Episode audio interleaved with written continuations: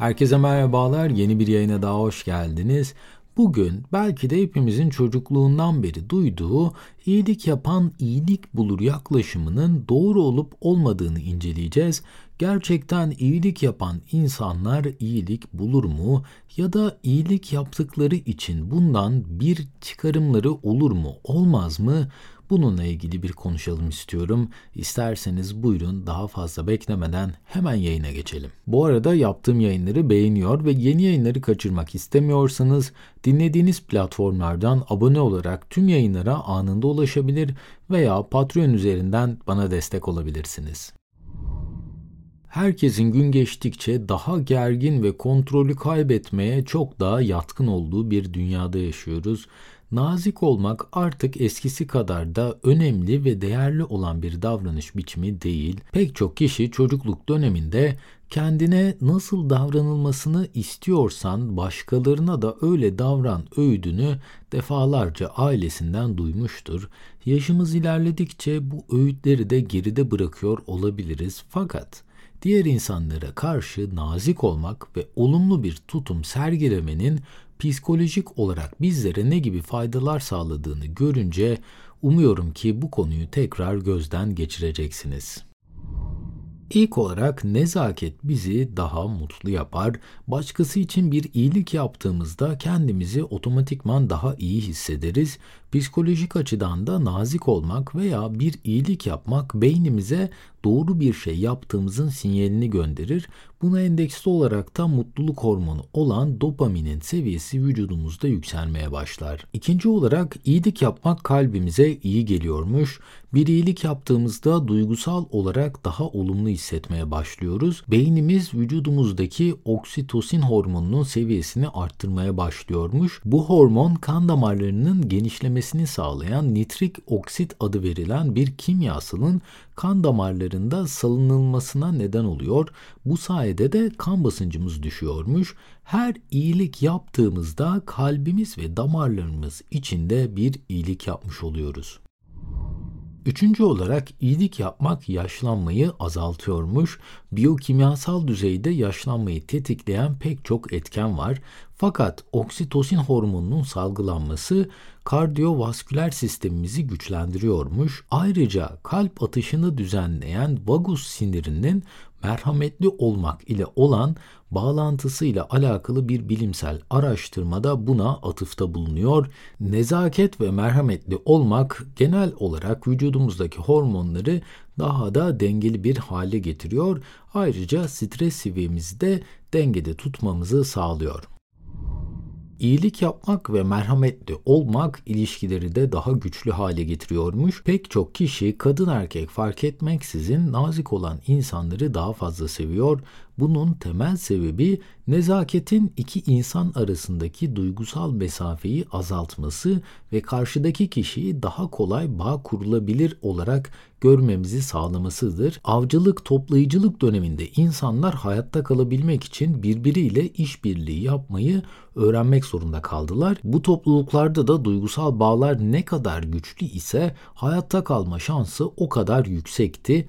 O zamandan günümüze duygusal bağ kurmakta başarılı olanlar daha güçlü ilişkileri de kolaylıkla inşa edebiliyorlar. Yeni biriyle tanıştığınızda veya yeni bir topluluğa dahil olduğunuzda da daha nazik olursanız çok daha hızlı ve güçlü bağları rahatlıkla kurabilirsiniz. Ayrıca iyilik yapmak bağışıklık sistemimizi de güçlendiriyormuş. Araştırmalar nezaketin SLGA olarak bilinen önemli bir bağışıklık sistemi antikronunun seviyesini yükselttiğini keşfetmiş.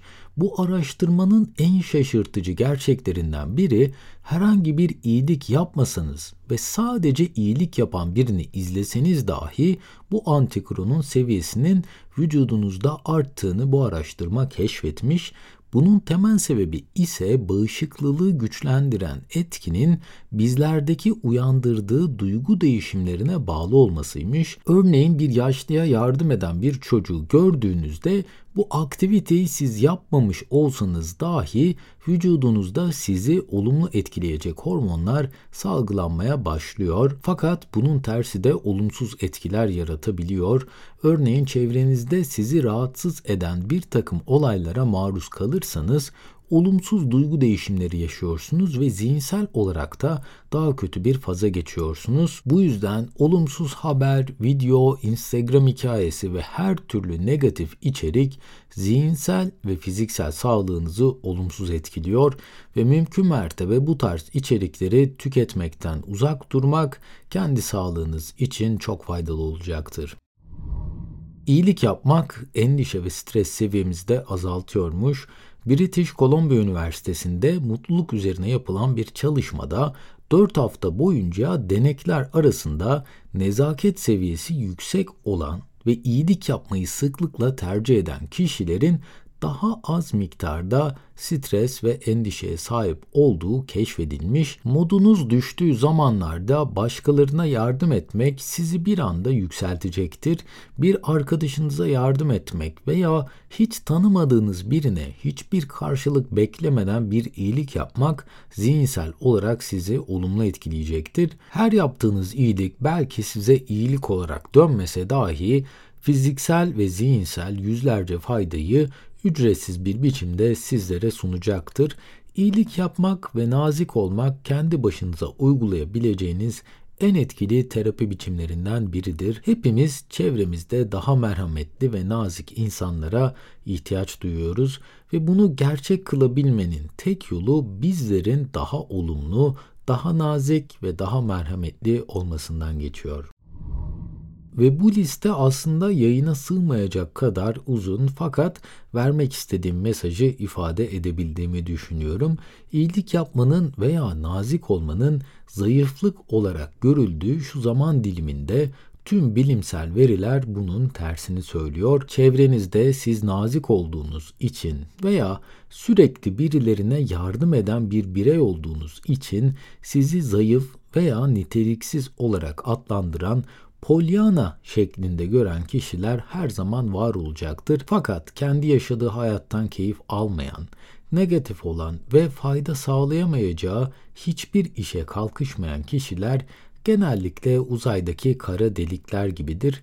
Sürekli olarak çevrelerindeki herkesi bu negatifliğin içine çekmeye çalışırlar. Ve böylelikle bir yayının daha sonuna gelmiş bulunuyoruz. Umarım sizlere faydalı bilgiler sunabilmişimdir. Bu arada tüm yayının yazılı metnine ve yayında kullandığım kaynaklara açıklamalar bölümündeki link üzerinden ulaşabilirsiniz. En kısa sürede yeni yayınlarda görüşmek üzere. Kendinize çok iyi bakın. Hoşçakalın.